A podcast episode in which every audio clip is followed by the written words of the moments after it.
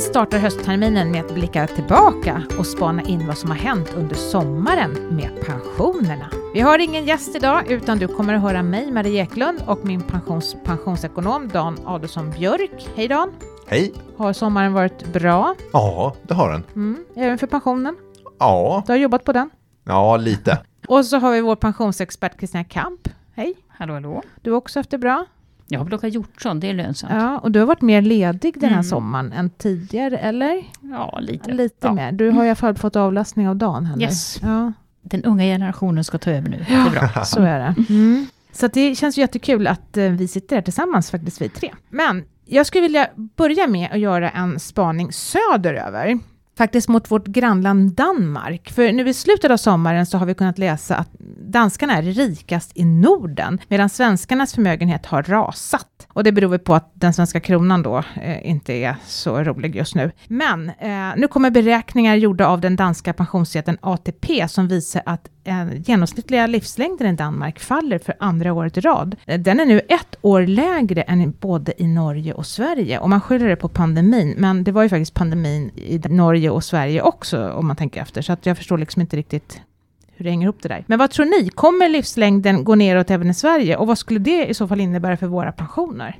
Alltså jag tror inte det. Inte just nu. Det är väl, alltså vi, I pandemin hade det inte så stor effekt i Sverige på totalen faktiskt. Det gick ner lite grann men sen har det ju gått upp igen. Men det som är intressant att se och som vi kommer återkomma till i en podd längre fram faktiskt. Det är ju att skillnaden på vilken, alltså vilken utbildningsnivå eh, du har och hur länge du lever. Den ökar. Så att eh, ju högre utbildning du har desto längre lever du och tvärtom.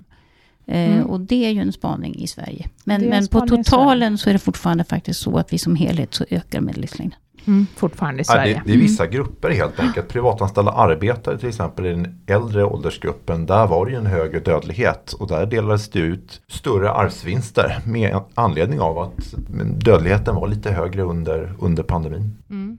Om medellivslängden skulle sjunka i Sverige, då skulle det också påverka riktåldern. Då behöver vi inte jobba lika länge, är det inte så? Jag vet faktiskt inte vad som är bestämt där. Men jag ska vara alldeles ärlig. Jag, jag, vi vet ju vad som händer om medellivslängden stiger. Då ökar riktåldern. Men jag är inte hundra på att man har liksom fattat några beslut om vad som händer om medellivslängden sjunker. Det är väl ingen som har räknat på att den gör det. Nej, spännande. Under sommaren så har det varit högt tryck på min pension. Inget högtryck i Sverige, men högt tryck på min pensionstjänster. Eh, och det kanske hänger ihop det där med att, att det inte var något högtryck i Sverige. Kan det vara så att, att när det regnar så har man bättre möjligheter och lust att kolla på sina pensioner? Eller vad tror ni? Ja, vi roades oss faktiskt med det och kolla just sambandet mellan att det regnar och att man eh, kollar sin pension. Och då var vår utgångspunkt, är pensionen verkligen så tråkig att man bara loggar in när det, när det är dåligt väder? Och det var vår statistiker Ivar som tittade på det. Vi såg inte riktigt det, det sambandet. Däremot så fanns det en koppling till temperatur. När vi kollade med SMHIs väderstationer så fanns det en viss korrelation när det gäller eh, medeltemperatur, det vill säga stigande temperatur, det samvarierar med, med eh, sjunkande antal prognoser. Mm. Ehm, däremot verkar det som att fler kollar sin pension under högtider. Vi har ju generellt sett en ökning av trafiken på min pension. Men vi kan konstatera också under högtider att andelen som, som loggar in hos oss den tycks öka under, under högtider. I alla fall jämfört med i fjol eh, så hade vi fler användare både under midsommarafton och midsommardagen. Och vi har, det, det går igen också när det gäller påsken, första maj och nationaldagen. Skärtorsdagen är ett, ett undantag. Och vi kan alltså inte förklara det med att eh, antalet användare ökar utan det handlar om en högre andel. Och det är framförallt eh, män i de högre åldrarna eh, som, som verkar ha varit inne. De orkar inte titta på Kalle Anka längre på julafton. Men julafton hade du inte med där? Nej, det hade vi inte med. mm. Vi återkommer till det. Vi återkommer till det. Nej, men jag tror egentligen att det kan finnas en allvarligare förklaring till att vi har ett ökat tryck på min pension. Jag tror nämligen att folk är lite mer oroliga. Alltså inflation och eh, alla det här med att dyrtider och allting eh, som gräver hål i plånboken. Då är det nog kanske läge att kolla om den här pensionsprognosen jag gjorde förut, om den fortfarande håller för mina ökade kostnader. Så att, eh, och kanske också det där pensionssparandet som jag hade, eh, hade Mm. det kanske jag inte har längre. Och då måste jag ju också fundera på, Mm, hur gör jag nu då med min pension? Så att jag tror faktiskt att det kan finnas sådana argument till att, att, vi har fler, att vi har ökad trafik på min pension. Mm. Någonting som vi tidigare kunnat spana in också, det är ju att när börsen går upp så får vi fler besök på min pension. Och i år har det ju faktiskt varit en positiv trend på börsen. So far, ja, men so inte de senaste månaderna. vi får nog kolla det. Ja, det kanske hänger ihop där också. Mm.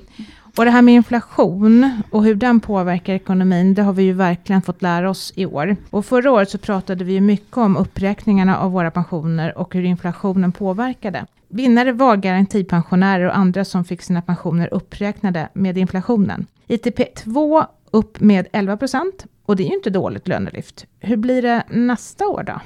Alltså prisbasbeloppet, det vill säga det som påverkas av inflationen, det är ju redan klart åtminstone för eh, alltså de allmänna systemen, garantipension, studie. Och där är ju ökningen eh, 9,3 procent. Så att eh, här händer grejer. Och det var nog lite mer än vad man prognostiserade från Pensionsmyndigheten och i början på året. Då tänkte Mm. man väl typ sju eller något sånt där. Och eh, då alla som har garantipension, eller delar av sin pension som garantipension, vilket de flesta har, de får ju ett bra tillskott då nästa år. Så det är väl kul. Men så har vi ju nästa spännande siffra som vi väntar på som inte är klar än. Och det är ju vad så att säga, de som har tjänat in till sin pension via skatter och sådär, vad de kommer att få för ökning, det bestäms av det som heter inkomstindex. Och det är ju en helt annan historia. Förra året så var ju det 3% ungefär, det vill säga betydligt lägre än vad garantipensionärerna fick. Och det ser väl ut som att det blir likadant i år igen. Det finns en prognossiffra som ju också är från början av året, där man tänkte att Ja, kanske blir 3,3 procent höjning och då ska vi också komma ihåg då att det gäller för de som fortfarande sparar in till sin pension. Det vill säga vi som har pensionspengar i vår inkomstpension som inte har gått i pensionen. Pensionärerna, där drar man av 1,6 procent på det. Eftersom man så att säga får förskott på sin pension. Så då skulle vi tala om pensionslyft där på 1,7 procent som då ska jämföras med garantipensionärernas 9,3. Nu är det ju så att rätt många, speciellt kvinnor, har en blandning av det här. Så att det, det är egentligen ganska svårt att säga var, var det slutar någonstans. Men eh, jag tror att vi kommer att få en fortsatt debatt om det här med respektavstånd. Det vill säga att de Mm. som inte har tjänat till sin sin pension får ganska bra lönelyft, vilket de naturligtvis behöver, för de har oftast generellt sett lägre pensioner. Mm. alltså man ska ju betala maten med någonting. Men det kan ju kännas lite surt då, och sen kommer det naturligtvis också att bli fler som kommer att få garantipension, bostadstillägg och såna här saker. Och det, det har ju betydelse för statskassan. Så, så ser det ut i år igen.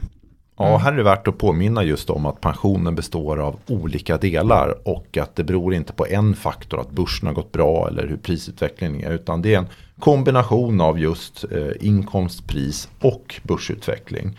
Och vid förra eh, årsskiftet här nu så var det ju just de, de prisindexerade pensionerna som, som fick den största procentuella ökningen. Medan de inkomstbaserade ökade med några procent och börsutvecklingen var ju väldigt dyster. Vi får se vid årsskiftet hur, hur det blir men, men mycket tyder väl på att det här kommer eh, upprepa sig. Precis som Kristina är inne på.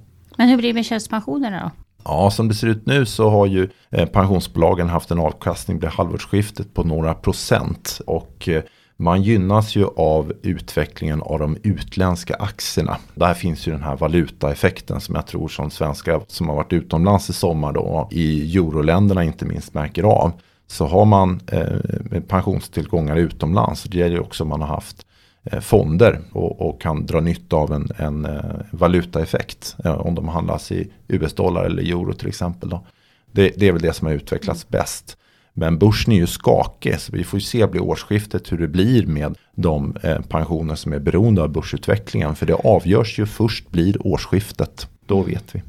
Så då är det Så går börsen ner då så, så är det, kanske det jämnas ut. Då kanske det inte blir så mycket. Nej, Nej. Precis. men alla som har alltså, förmånsbestämda pensioner, de är ju vinnare i år Mm. igen då, då för de kommer ju Mm. få höjt med, med prisindex. Och det gäller ju Mm. även om man fortfarande sparar. Hur blir det med premiepensionen då? Ja, här spretar det ju. Oj vad det spretar, ovanligt mycket. Alltså det finns ju de som har sådana här teknikfonder, det har gått jättebra so far. Svenska småbolagsfonder däremot inte så kul, där är det liksom back. Eh, och inflationen ställer ju till det här också, för att om inflationen är över 9%, då måste ju fonderna egentligen leverera minst 9% för att det liksom ska vara plus minus noll. Och det gör ju inte alla fonder om jag säger så. Utan eh, i bästa fall får man liksom jämnt skägg med inflationen. Så att eh, nej, det är ingen höjda prognos i år för det. Premiepensionen fastställs ju då i november ungefär. Så att de som har en utbetald premiepension, de får så att säga behålla sina pengar eh, vad de hade förra året. Men sen gör man ju en omräkning då, så att har fonderna gått ner i värde, det som man har kvar som man inte plockat ut, då kommer ju premiepensionen att minska nästa år. Och då mm. gör den det året ut. Men eh, vi vet ju inte riktigt vad börsen tar vägen än. Det kan ju hända grejer fortfarande. Mm. Vi får hålla tummarna. Hur går det med premiepensionen på sikt då? Ja, du menar att man ska minska antalet fonder? Ja, jag tänker på det här som hände på Fondtorgsnämnden och det här nu då, att vi har fått Ja, det är nu i höst som Fondtorgsnämnden faktiskt påbörjar den här upphandlingen av fonder. Och man börjar med Europafonder. Men man ska klart för sig att det här kommer ta tid. Vi får väl se hur länge, lång tid det tar. Men man har pratat om att det tar tre år innan hela fondtorget är upphandlat. Och idag så finns det 460 olika premiepensionsfonder och i framtiden så kanske det finns 150 eller däromkring. Eh, även där är inte helt självklart. Och Fondtorgsnämnden som är en ny då nämndmyndighet som det heter. De har i uppdrag att eh, upphandla de här fonderna. Men jag som pensionssparare kommer precis som idag att göra valet av premiepensionsfonder via Pensionsmyndigheten. Så det är ingen skillnad. Men många kommer ju få brev här kommande år om att deras fonder blir utbytta eh, med anledning av den här, av den här upphandlingen. Då. Och bakgrunden det är ju det, dels att det var de här svarta rubrikerna i media om att det fanns sol och vårare i premiepensionssystemet, oseriösa aktörer inne i systemet eller i direkt anslutning till det med telefonförsäljning och allt vad det var. Och därför så har man städat upp utbudet och så vill man ha bättre kontroll helt enkelt på eh, vad det är man erbjuder. Värt att påminna här och som ofta tyvärr ofta glömts bort då, det är ju att eh, utvecklingen för premiepensionen har ju varit god sedan starten. Den har ju varit några procentenheter högre varje år än inkomstutvecklingen och det var ju tanken med premiepensionen mm. från början. Så många har haft en god utveckling för sin premiepension men det är många sparare som av olika anledningar börjar fundera på om de inte ska se över sina fonder. Och inte minst med anledning av att det blir en stor upphandling då. Mm. Ja, man får väl eh, backa i tid. Eh, småbolagsfonderna ligger väl pyrt till. Men jag tycker det är intressant också med tanke på om vi nu ska prata om det som alla pratar om, den svenska kronkursen. Att här är det ju faktiskt också ett argument för att vi har premiepensioner och att det då är en tillgång. För att då har vi ju plötsligt en del av våra pensioner som då, åtminstone om man har en globalfonder och sånt, så, så påverkas du. Du får en valutaeffekt fast i positiv bemärkelse. Det vill säga du har inte alla dina tillgångar i Sverige. Och det kan då faktiskt innebära att du har en riskminimering på din pension. Det är inte så många som tänker på, men, men så är det ju. Mm. Samtidigt så tror jag att eh, en och annan som har flyttat till andra länder eh, och är pensionär där, eller funderar på att bli det. Eh, här kommer ju den svaga kronkursen att ställa till det. För att eh, svenska pensioner betalas ut i svenska kronor och jag tror att den som har flyttat till Spanien eller Finland eller någonting eh, inte tycker att det har varit jättekul för att de får ju så att säga, sämre köpkraft för den pensionen de faktiskt får. Mm. Så att eh, valutor och inflation, det är, det är ett elände.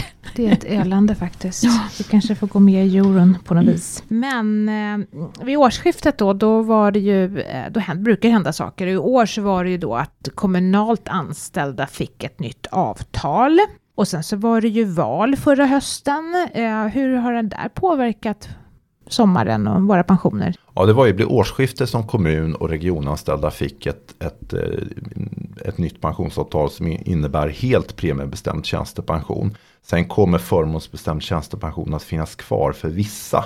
Eh, men den stora vinsten här för de som omfattas det är att inbetalningen höjdes då från 4,5% till 6%. Så det är liksom ingen liten höjning utan man får en, en tredjedel mer helt enkelt. Och det handlar ju om medarbetare i välfärden där väldigt många är, är kvinnor. Sen finns det en vinst för arbetsgivarna här, i alla fall långsiktigt, för att de premiebestämda tjänstepensionerna, de är enklare att budgetera för arbetsgivarna. Just nu så är det på, påtagligt, inte minst inom kommun och, och region, att de här förmånsbestämda pensionskostnaderna som man betalar, de räknas ju upp med inflationen. De vill de bli av med. Ja, långsiktigt i alla fall. Mm. Hur, är det någon som vet hur det har gått med det där valet då? Man hade ju möjlighet att välja i våras. Ja, det var väl inte så många som valde tror jag. Utan att det, de hade väl hoppats att det skulle vara fler va, som gjorde ett aktivt val. Man, kanske, man kan ju välja utan att man, utan att man gör något. Ja. Man kanske väljer att ligga kvar och då har man gjort ett val. Ja, hur ser det ut inför nästa år då? Det är ju ett halvår kvar nu. Vad händer? Ja. Ja, det blir ett nytt avtal för statligt anställda, egentligen uppdaterat avtal som gör att man fortsätter tjäna in tjänstepension till 69. Eh, det är ju en, en stor skillnad. Sen kan det också komma en del eh, politiska initiativ, det vet vi ju inte. Eh, Man pratar ju till exempel om den här gasen för inkomstpensionen. För det är ju så när det gäller det allmänna pensionssystemet att eh, om man har större åtaganden än vad man har tillgångar då kan den här så kallade pensionsbromsen slå till. Eh, eller, eller balanseringen som den också heter. Men om det genererar stora överskott då har man inget sätt att dela ut det. Lite märkligt kan man tycka. Och det, den utmaningen har man ju inte för tjänstepensionerna. För att är det så att pensionsbolagen får stora överskott, ja då ska de delas ut till kunderna. Och de ska delas ut på ett rättvist sätt som det heter. Och det kan möjligen vara knäckfrågan här, att man får fundera på att då ska vi ha en gas för den allmänna pensionen så blir frågan vem är det som har varit med och byggt upp det här överskottet och hur ska vi dela ut det. Och sen har vi ytterligare en fråga eh, som rör det här med att kunna pausa uttag av tjänstepensionen. Ja, den, den tror jag att man kommer plocka upp i någon Mm. tidpunkt. Eh, för att det är ju så att den allmänna pensionen, den kan jag pausa om jag till exempel kommer på att jag ville jobba lite mer än vad jag hade tänkt som pensionär. Medan tjänstepensionen, där är det lagt kort som ligger. Jag har inte möjlighet att, att stoppa den utbetalningen. Så att där finns det nog ett allt större behov av det. Och för att det ska bli möjlighet så krävs det att man ändrar inkomstskattelagen. Det kanske inte sker under, under nästa år men det kan ske innan, innan mandatperioden är, är slut då för politikerna. Det hoppas vi faktiskt. Mm. Ja.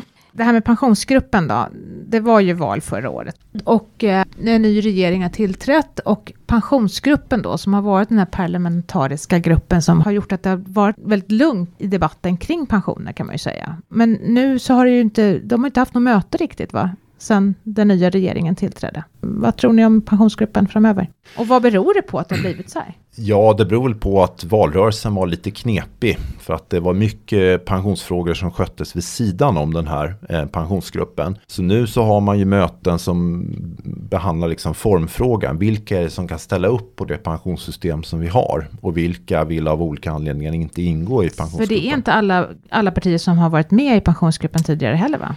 Nej, så är det. Eh, Vänsterpartiet har inte varit med och det är väl just för att man inte skriver under på principerna för det allmänna pensionssystemet. De hoppade av väldigt tidigt. Ibland så hör man att de inte fick vara med, men det är ju inte riktigt sant. Utan de hoppade av redan innan man sjösatte det här pensionssystemet vi har idag. Så sa de att vi är inte med.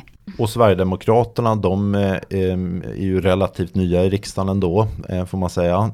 Och de har inte heller ingått i den här pensionsgruppen. Och Miljöpartiet har ju varit med när de var en del av regeringsunderlaget som det hette. Så det var ju under den socialdemokratiska gått, regeringen. Ja, precis. Mm. Fördelen med pensionsgruppen, åtminstone som man tänkte när man, man gjorde de här pensionerna som vi lever med idag. Det var ju att man ville ha långsiktiga överenskommelser så att vi som är på väg att bli pensionärer ska veta på ett ungefär liksom, hur blir pensionerna när jag blir stor då. Och det finns ju en god tanke kring det. Eh, sen kan man naturligtvis säga, det är klart att politiker ska ju naturligtvis inte vara bakbundna av att vi har en överenskommelse. Men, men nu spretar det ju väldigt mycket. Nu vet vi liksom inte riktigt vart vi är på väg. Och det verkar som att ingen riktigt orkar ta itu med det här. Men jag hoppas för att det reder upp sig. För att som sagt, vi som ska bli pensionärer de kommande 20-30 åren, det är bra att ha någon typ av färdriktning i alla fall. Det har ju varit lite konstigt de senaste åren när man plötsligt då, man slänger in nya bidrag och såna här saker som man liksom inte har en aning om tio år innan. Då kanske man skulle ha planerat sitt liv an- annorlunda om man hade vetat om det där. Så det, Mm. det är lite knepigt. Finns det pensionsgrupper i andra länder? Vet ni det? Eller är det unikt för Sverige att ha haft den här parlamentariska överenskommelsen? Det tror jag väl att det är, men det är också så att pensioner ser ju olika ut. Det är fortfarande så att vi har en hel del länder där man har alltså förmånsbestämda system. Där man, Så att, eh, Ja. Inte samma behov. nej. Nej, jag fattar. Är det något mer som har bubblat? Ja, vad hände på min pension Ja, vad hände på min pension? Eh, ja, vi gör ju vissa anpassningar med anledning av eh, ändrade pensionsavtal för statligt anställda vid årsskiftet. Och vi har ju också under året ändrat eh, med anledning av de förändringar som har skett för kommun och regionanställda. En annan nyhet på min pension det är att man kan lägga in den här premien om löneväxling om man har en sån. Och är det så att man löneväxlar, vi får ju in de uppgifterna men framåtriktat i vår prognos så vet vi inte om alla gånger gång att du har den här löneväxlingen. Men då kan man alltså mata in den själv. Så tar vi hänsyn till det i prognosen. Det är en annan nyhet. Mm. Och sen hoppas vi väl också att vi i uttagsplaneraren ska få det ska bli lättare att kunna ta ut sin allmänna pension. Att vi ska ha en direkt överföring till Pensionsmyndigheten. Vi får se. Osvuret är väl bäst där. Osvuret är nog bäst just när vi mm. spelar in det här avsnittet. Mm. Men det ligger ju på bordet att det ska, att det ska bli så. Eh, någonting annat är ju faktiskt att, att hela uttagsplaneraren, det var i och för sig förra hösten, men, men om du inte varit inne i uttagsplaneraren och du har fyllt 54 år, tycker jag du ska ta dig dit faktiskt. För att den har fått ett helt nytt eh, utseende. Ja, lite enklare manövrering och lättare att ta sig mellan flikar och så, hoppas vi att det är. Eller det vet vi att det är, för det har vi gjort tester på. Hoppa in och kolla i uttagsplaneraren och gör planer och spara dem och se din pension efter skatt.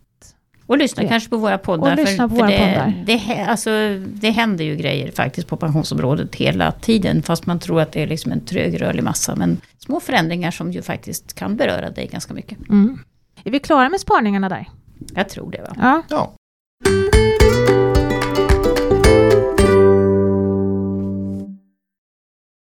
Och dagens fråga tänker jag att Dan ska få svara på. Och den kommer från Paolo som tycker att det är märkligt att han har laglig rätt att arbeta till 69 år. Men han känner bara in till sin förmånsbestämda tjänstepension till 65 år. Och han undrar varför är det så här? Ja, de förmånsbestämda tjänstepensionerna de är i regel färdigbetalda vid 65 år. Och din arbetsgivare kan inte fortsätta betala in till den på många arbetsplatser, inte minst i privat sektor, så finns det inga centrala avtal om vad som gäller efter 65 år när det gäller tjänstepensioner. Så det råder avtalsfrihet som det heter. Så man kan komma överens om till exempel högre lön eller att arbetsgivaren fortsätter betala in till en premiebestämd tjänstepension. Men det är ju inte säkert att arbetsgivaren går med på det. Samtidigt finns det ju nya avtal på svensk arbetsmarknad, inte minst i offentlig sektor, där arbetsgivaren fortsätter betala in premiebestämd tjänstepension till 69. Så det spretar där också då? Ja, alltså vi får väl vara, det känns ju lite nytt att man ska gå in till sin arbetsgivare och förhandla sin pension, men mm. det är mm. nog ett bra tips tror jag. Mm. Så Paolo bör gå in och prata med sin arbetsgivare om man vill jobba vidare efter 65? Mm. Ja. Mm. Det var allt för oss idag. Tack för att du har lyssnat. I dagens avsnitt har du hört mig, Marie Eklund, Dan Adolfsson Björk och Kristina Kamp från Min Pension. Och Min Pensionspodden produceras av Min Pension som är en oberoende tjänst i samarbete mellan staten och pensionsbolagen och som ger dig bättre koll på dina pensioner. Och nya avsnitt släpper vi varannan fredag. Tidigare hittade vi kanaler där poddar finns. Sök efter Min Pensionspodden så poppar vi upp. Om du har förslag på ämnen för kommande avsnitt eller frågor som du vill att vi tar upp, då ställer du dem till poddatminpension.se. Nu hoppas jag att du tar hand om dig och din pension tills vi hörs igen. Ha det bra, hej!